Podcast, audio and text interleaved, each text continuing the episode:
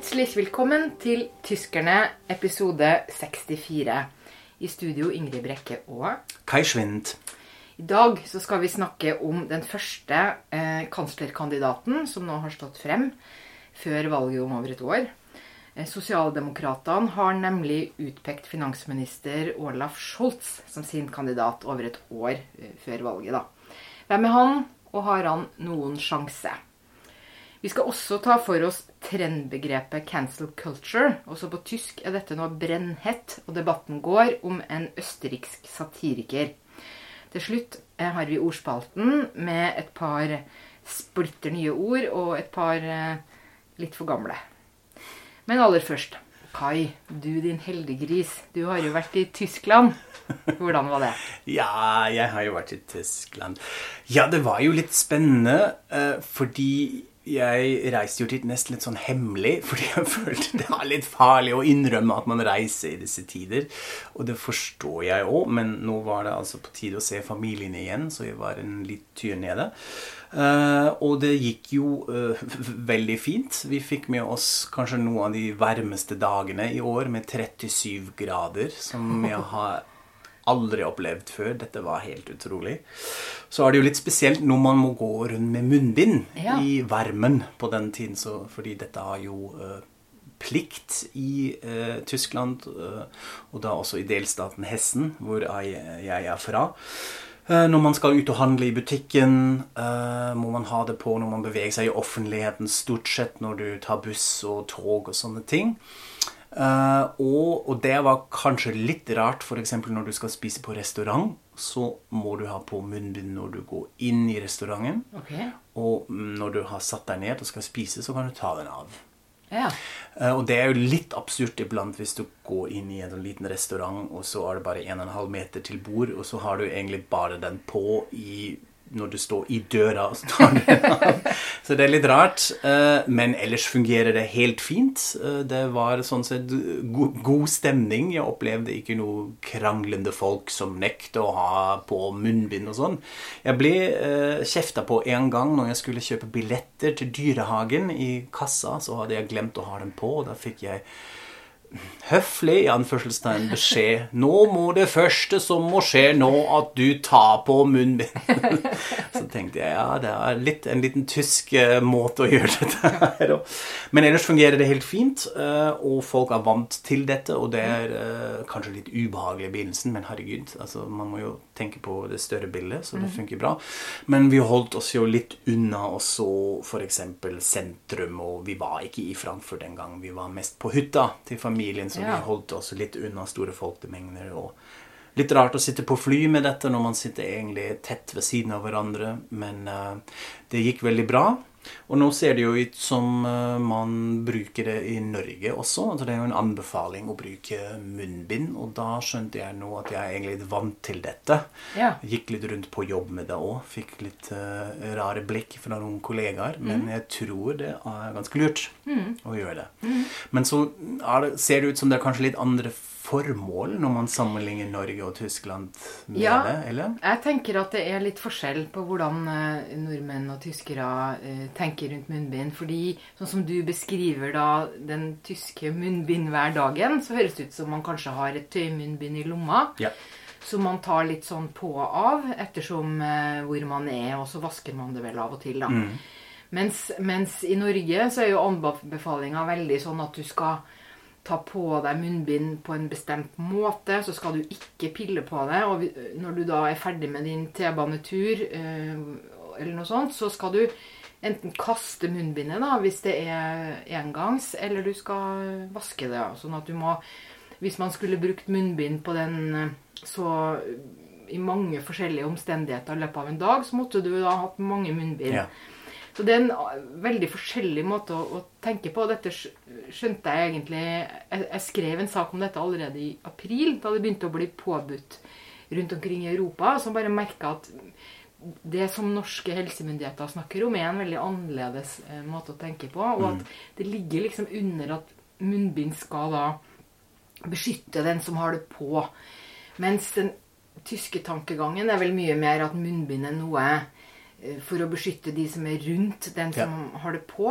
Mm. Og da blir det litt sånn andre krav, og det er vel også litt kanskje mer den asiatiske måten å, å, å tenke på, da. Nå Mm. skal ikke vi her verken anbefale noe eller komme med noen Nei. forklaringer, men det er i hvert fall sånn det ser ut. Mm. Eh, at man bruker dette eh, forskjellig Mm, i, i våre to land. Nok en liten kulturell forskjell, kan En man for, si. kulturell forskjell, og så kan man jo kanskje si til alle som er veldig skeptiske, det går helt fint. Man venner seg fort til det, uansett hvilket formål man skal bruke, bruke de til.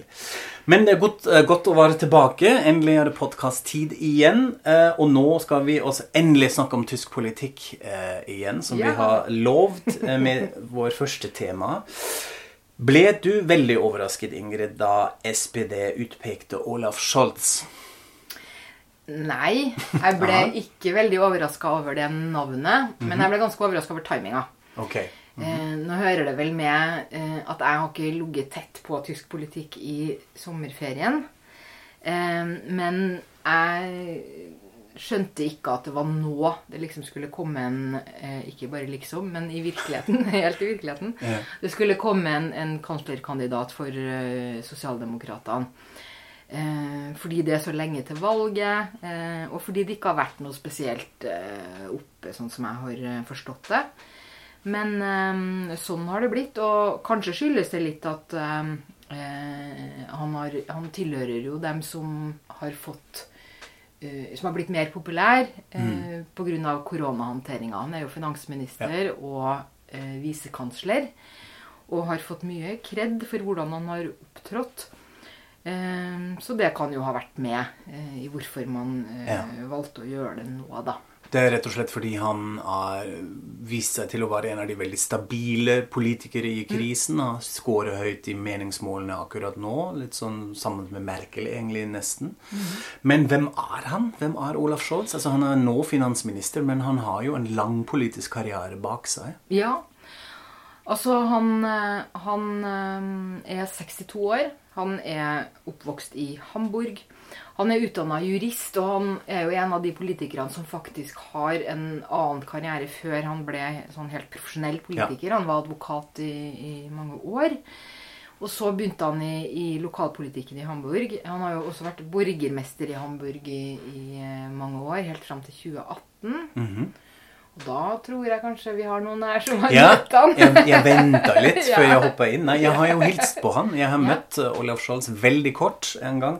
Fordi jeg var med i et prosjekt uh, i regi av uh, delstatsparlamentet i Hamburg. De hamburgerske burgerschaft. Vi skrev et barnehørespill, eller en serie, for å ja, uh, oppfordre barn til å engasjere seg politisk. De eldste detektiver, hvis noen har lyst til å sjekke det ut. Og dette var som sagt uh, ja, lagd av delstatsparlamentet på den tiden da Olaf Scholz var uh, ordfører, altså borgermester. Så jeg hilste litt på han og fikk oppleve hans ja, karisma, i anførselstegn, eh, på nær eh, avstand. Det har jo også kanskje vært det som man har eh, diskutert litt. Er han litt sånn en så karismatisk, visjonær figur? Hva, hva tenker du? Ja, nei, det er jo Det med karisma er jo et stikkord eh, med Scholz. Så hvis eh, vi har jo Du sendte meg jo en eh, liten Et satirisk eh, bilde hvor vi ser Scholz bakfra, og så står det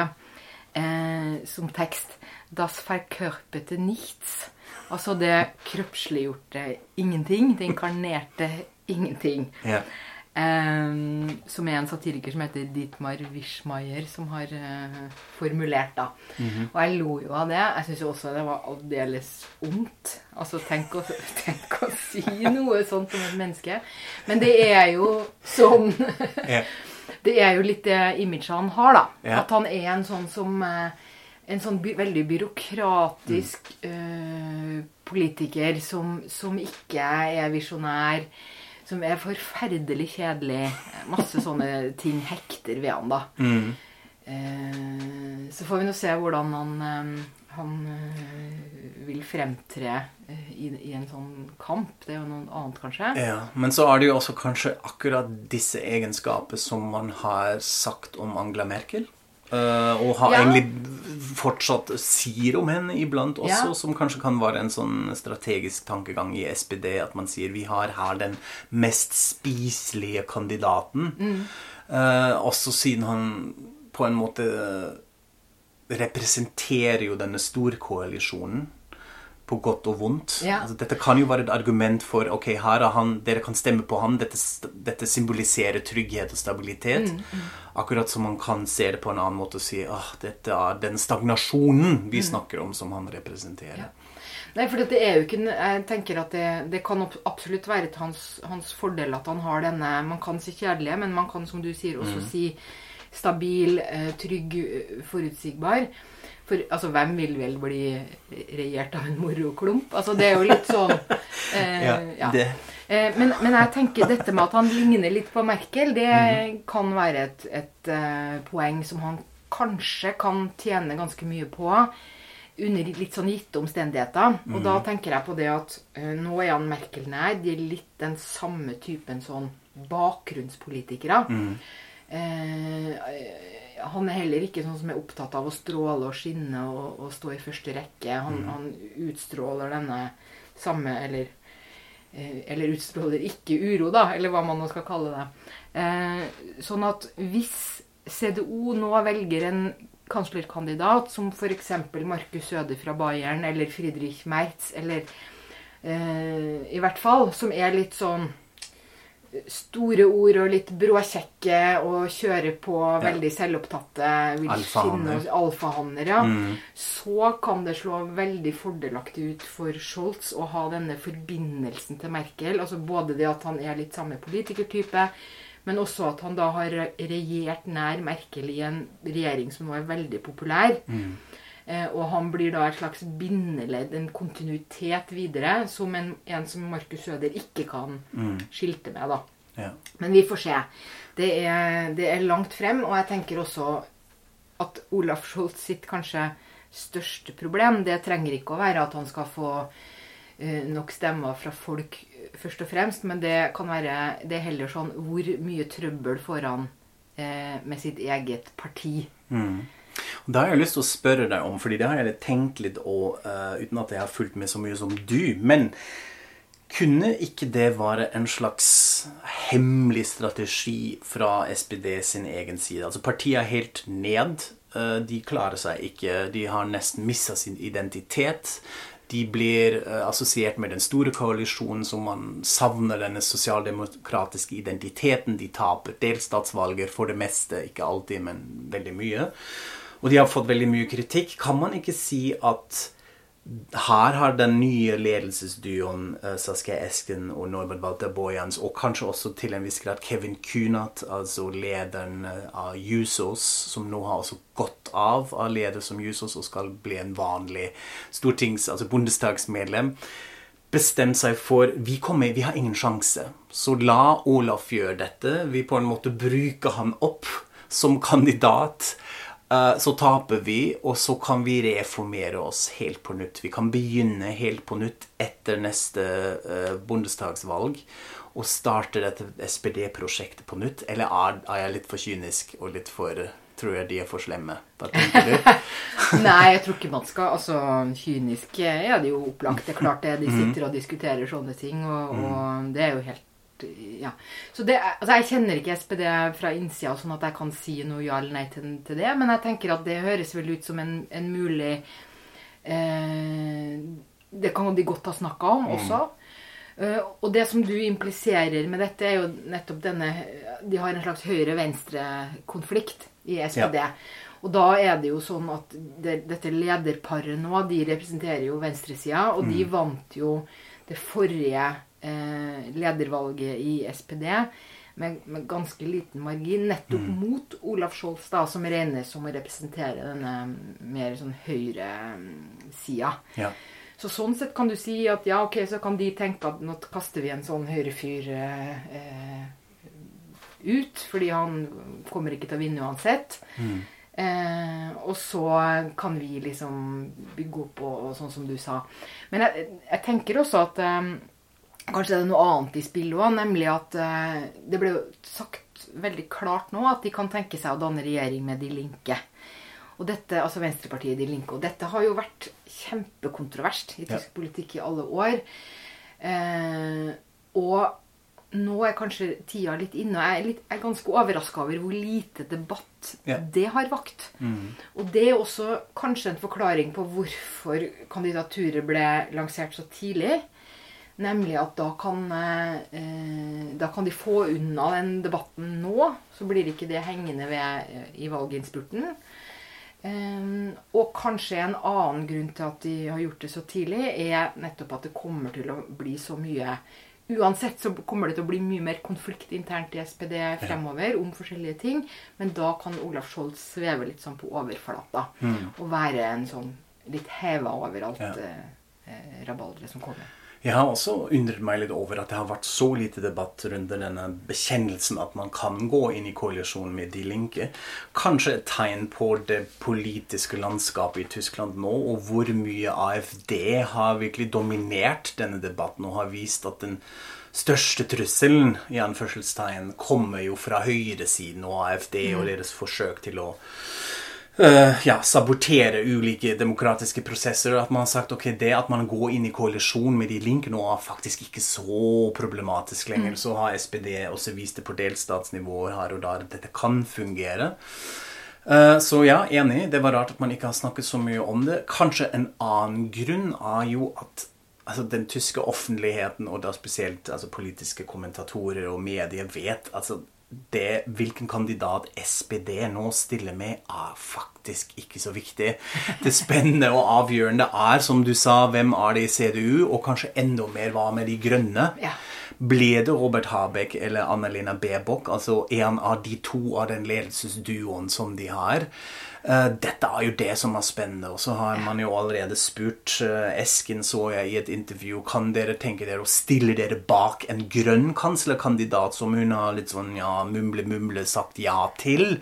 Så de forbereder seg sikkert for det. Eh, og Robert Habeck i det store sommerintervjuet i ARD ble spurt hvordan ser det ut. Blir det en ny kvinnelig kansler? Med, hvor man prøvde å antyde blir det Annalena Bebok, og da svarte han jo litt sånn rart.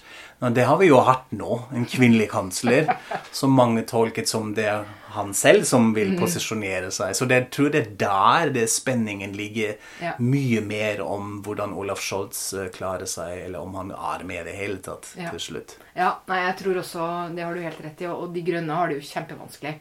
For de er litt sånn Skal også de velge en middelaldrende mann? Ja. Mm. Eh, og jeg hørte også en, en analyse i um, Spiegel sin podkast som sa at Habek har jo også profilert seg veldig som en som ikke er noe interessert i makt. Og du kan jo ikke stille til valg for å bli kansler i et kjempestort land og ikke være så spesielt interessert i makt. Mens, mens Baerbock har jo helt andre problemer, fordi at uh, hun er jo man, hun er jo anerkjent som å være en utrolig dyktig politiker. Eh, kjempeflink til å prate alt dette her. Eh, men hun har jo ingen sånn styringserfaring. Ja. Og det kommer til å bli Så det, det vil bli veldig vanskelig å, å velge henne. Så der har de laget seg et skikkelig, skikkelig nøtt de må knekke. Og jeg tror kanskje ikke de gjør det før neste år, men vi får se Ja. hvordan det går. Da skal vi nemlig over til humorverdenen. Mhm. Sjøl om eh, det er ikke så veldig artig det vi skal snakke om der heller. holdt Jeg på å si. Jeg syns jo dette er artig, da. Men, Litt. Ja. Ja. ja, for du har eh, fulgt nøye med på eh, noe som skjer der, Kai. Ja, altså eh, vi har jo sagt at uh, vi skal si litt om cancel culture, altså denne store debatten som vi også nå har i Norge på ulike områder, og så har det nå blitt dratt inn veldig mye i en sånn eh, humorsak, og dette følger jeg jo veldig nøye med. Jeg er jo medieviter med et humorforskerfokus, Ja. Så dette gjør jeg jo eh, uansett, men hvis det da handler om mitt hjemmeland, blir det enda spennende. Um, ja, det, det som har skjedd, at man har hatt en stor debatt om en østerriksk satiriker, eh, Lisa Eckhardt, uh, som ble altså invitert til et litteraturfestival i Hamburg, som nå skulle skje i september, tror jeg, eller skal skje. Eh, og da skulle hun lese fra hennes nye roman, eh, og det de gjorde der, at de um, setter sammen to forfattere som leser samtidig. Eh, og forfatteren som ble satt opp sammen med henne, sa nei, jeg vil ikke stå på samme scenen som denne damen, fordi hun er veldig problematisk, ikke minst er hun antisemittisk. Og så sa arrangørene ja, greit, men vi har invitert henne. Hun skal være med uansett. Og dette blir da diskutert i pressen og resulterte uh, i at det kom trusler mot arrangørene fra venstre, den ekstreme venstresiden, altså Svarte blokk. Uh, gruppen som sa hvis det skjer, så kommer vi å bråke, og det blir vold. Og da sa de ok, da kan vi ikke garantere sikkerheten lenger. Da uh, trekker vi oss, og Lisa Eckert har ikke lov å være med lenger. Og så var jo debatten i gang. Den store la man seg da altså kansellere av vold fra venstresiden, og så var vi litt i gang eh, med dette. Og så har jeg diskutert det også med kollegaer og venner og sånn, og har også gjort det litt på Facebook-siden min, og har opplevd litt sånn i, i miniatyr der eh, hvordan disse posisjonene og argumentasjonene utvikler seg. Uh, Sett hvor man da lander sånn med sin egen argumentasjon, syns jeg personlig det er alltid veldig interessant eller veldig viktig at man ser nøye på hva man egentlig snakker om, og ikke la seg lede av sånne clickbait-artikler og reagere på, på overskrifter og sånt. Sånn, men man må se nærmere på hva det egentlig er. Og den antisemittismen har man jo sporet antageligvis gjennom mye hun har gjort, men da spesielt ett opptreden som hun hadde i et tysk satireshow som heter Mitternachtsspitzen, hvor hun da presenterte en sånn fire-fem minutters bit, uh, hvor hun da antageligvis har vært uh, antisemittisk. Så jeg tenkte jeg må jo se på den, og det hun gjør der, at hun altså snakker om alle de store metoo-overgripere, Harvey Weinstein, Roman Polanski, uh, Woody Allen, og sier er ikke det litt rart at de alle er jøder? Og dette er jo kontrovers, da går man jo rett mm. inn i tabu-vepsebålet. Men det som er mer interessant, og som ikke helt hang med i den debatten i begynnelsen, at det for meg i hvert fall er veldig tydelig at hun spiller en slags rolle under hennes show. Hun er kledd på en veldig sånn spesiell måte. Hun ser ut som en sånn 20-tall, 30-talls kvinne. Hun er veldig slank, veldig tynn, veldig sånn alvorlig. Og også snakker med østerriksk aksent, som er også litt viktig. Det har noen konnotasjoner når du eh, kommer fra Østerrike og snakker med aksent i Tyskland. Um, og har en sånn en fremføring som nesten høres ut som hun synger. Eller i hvert fall veldig sånn nøye konstruerte, forhåndsskrevne setninger. Dette virker ikke improvisert, men er veldig uh, konstruert og sammensatt. Vi kan jo høre litt på henne. Uh, nå, nettopp den kontroverse biten uh, hvor hun snakker altså om metoo-overgrepene og kobler dette sammen med at alle de er jøder. Harvey Weinstein, Roman Polanski, Woody Allen. Kann man deren Filme noch guten Gewissens schauen? Wo wir doch nunmehr schmerzlich wissen, dass es sich bei diesen dreien allesamt um. Na, ich mag es gar nicht sagen.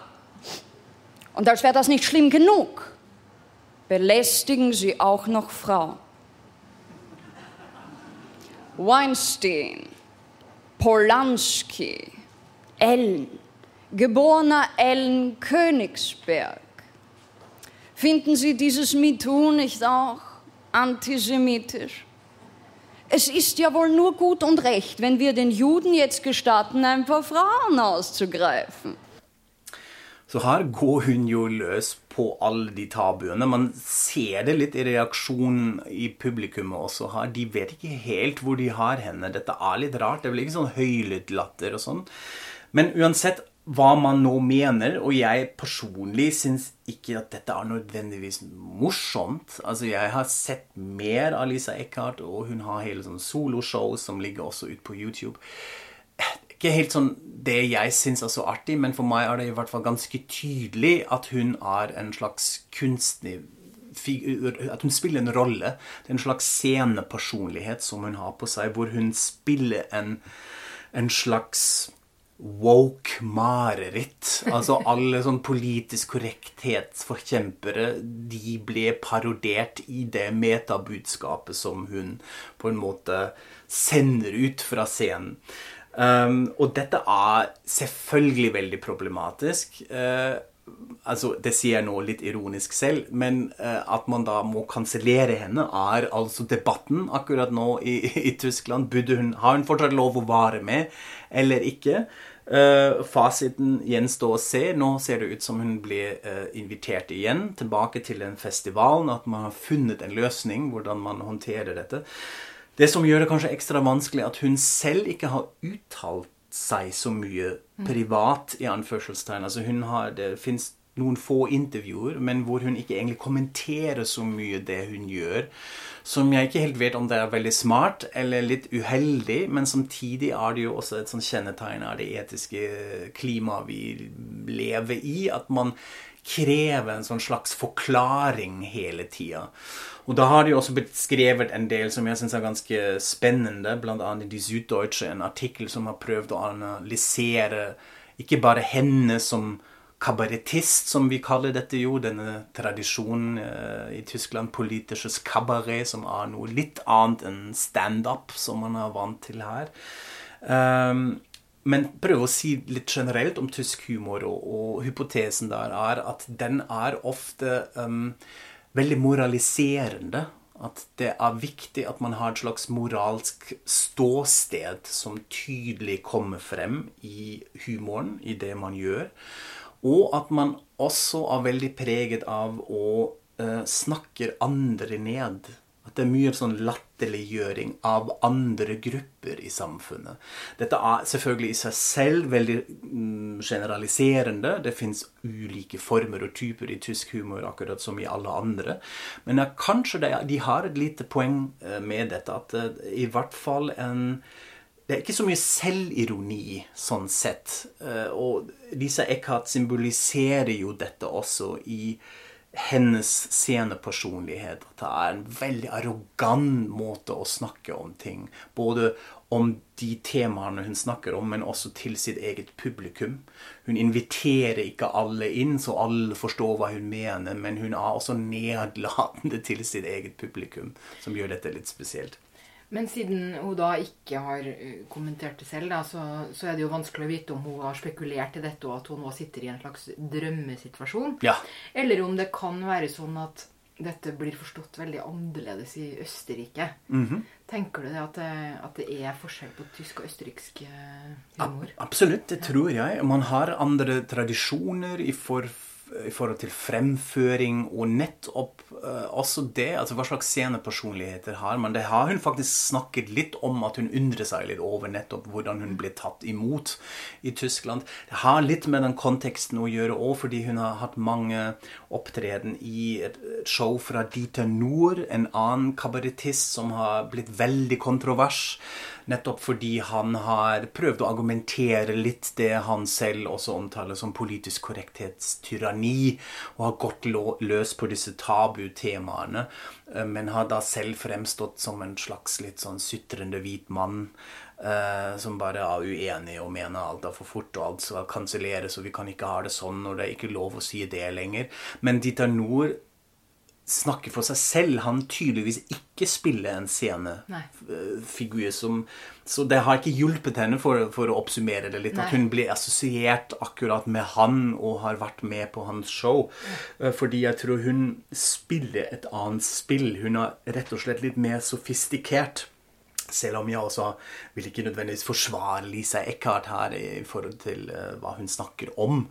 Som sagt, jeg er ikke så fan av henne. Men jeg syns at den, det er interessant å se hvordan denne debatten har beveget seg, og at man da bruker satire og humor ofte som en slags uh, knagg for å henge denne ytringsfrihetsdebatten på. Mm. Men da kan vi jo nevne et, et neste et motsatt eksempel, tror jeg vi kan kalle det. Ja. Eh, nemlig Florian Schrøder.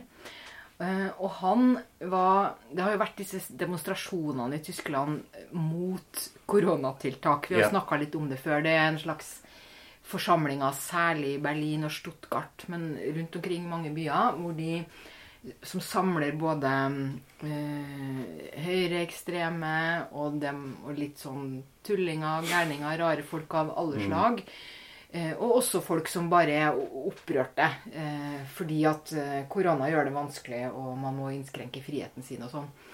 Eh, og denne gjengen hadde da en svær demonstrasjon i Stuttgart, og da hadde de invitert eh, Florian Schrøder. Antagelig da fordi de hadde misforstått litt eh, et nummer han hadde. Eh, hvor han nettopp da spilte en rolle, men de trodde han snakka for seg selv. Ja, han var med i et annet satireshow og sa litt sånn at han er helt enig i at uh, dette er en oppfinnelse korona, og Bill Gates står bak dette, og litt sånn Ja, gjorde narr av alle disse konspirasjonsteoriene som de da hadde misforstått. Trodde Ja. ah, han er en av oss, Ja. han skal vi invitere. Så inviterte de han, og så kommer han og står, står eh, på scenen. Og så eh, blir han mottatt med jubel, og så sier han litt forskjellige ting. Eh, man jubler. Og så begynner han å si sånn Ja, dere er jo for frihet og ytringsfrihet og mot diktaturet. Det er jo jeg også. Og her skal dere få høre hva jeg egentlig mener. Og så er det sånn Vi må alle gå med maske. Vi må Ja. Så, så sier han disse eh, offisielle tingene, holdt jeg på å si. Han, han kommer med de normale synspunktene, da. Eh, og prøver å gå litt i en slags sånn dialog. Og når han går av scenen, så buer jo alle. Så det var et slags stunt, eller hva man skal kalle det. Ja, absolutt. Og da kan man jo kanskje også se litt hva både litt sånn utfordringer og effekt av den type tysk satire er. Altså Han gjorde jo også, han, han siterte Hegel, filosofen Hegel, som også er fra Stuttgart, og sier dere vet jo hvordan Hegels dialektikk fungerer. Dette med tese, antitese og så syntese, så vi trenger disse ulike meninger for å danne vår egen mening og sånn. Og ja, alle er med, skjønner alle Hegel og sånn. Men så, det er forskjell på tysk og norsk eh, humor. ja, kanskje det. Det er veldig sjelden at man hører om uh, tyske filosofer i et comedy-bit.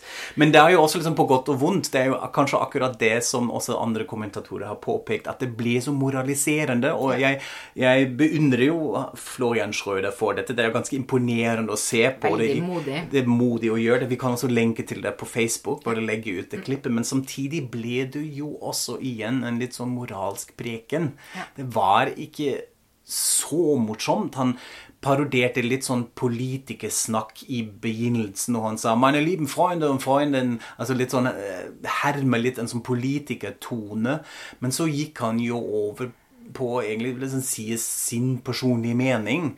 Så, sånn sett, så morsomt var det jo ikke. Så dette er jo det som som kanskje også er litt, et problem akkurat nå igjen i det klimaet vi beveger oss i, at det er iblant også så lite kunnskap om hva er egentlig satire. Hvordan funker det?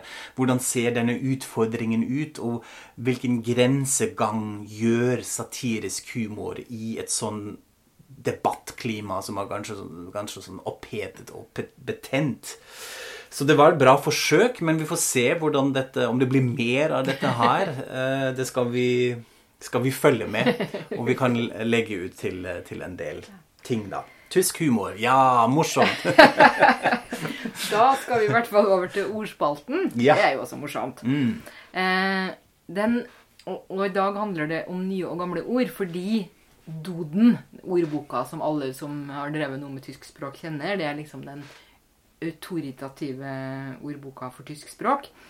De har fylt seg selv med noen nye ord og kasta unna noen gamle. Og grunnen til det er jo at de har en eh, printutgave med en slags begrensa plass, da, selv om den er veldig tjukk. så der går det litt ut og inn, men alle ordene blir jo liggende på, i nettutgaven.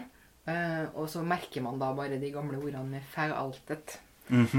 Så da Forgamlet, for gamlet kan man si. De- Foreldret. fore, foreldet heter det. Foreldret, ja, Mm, um, og så leste jeg en morsom artikkel i, i Frankfurt i Ronsja, hvor eh, en, en eh, journalist har da skjønt at ok, det handler om 300 gamle ord, så han skrev til Doden og ville ha dem. Og da sendte de han bare 38 ord, da. Så han har lagd en morsom spalte om, om det, da. Men i hvert fall, eh, blant disse 38 ordene som han fikk, som er ute, så kan vi nevne tre. Mhm. Eh, nemlig Nitåsen, Ja. eh, Fåfydame og Hakken Porsche. Ok, vi må ta de Ja. hver for seg. Nitåsen. Ja, det har jeg Da måtte jeg selvfølgelig gå litt til en annen ordbok og sjekke. Men det betyr da naglebukse. Ja. Mm. Jeg syns jo det er veldig moteriktig. Jeg skjønner ikke. Ja. ja. Jeg har begynt å bli så gammel at jeg syns naglebuksa burde bare bli værende. Men eh, ja. Eh, og så er det få-fy-dame. Det er jo veldig gammeldags, da. Det er en modell. Altså en dame som Fremføre Fremfører- mote, klær. Litt sånn, altså en, en fremføringsdame. fremføringsdame. Det høres veldig 50-talls Ja. ut. Ja, det er greit.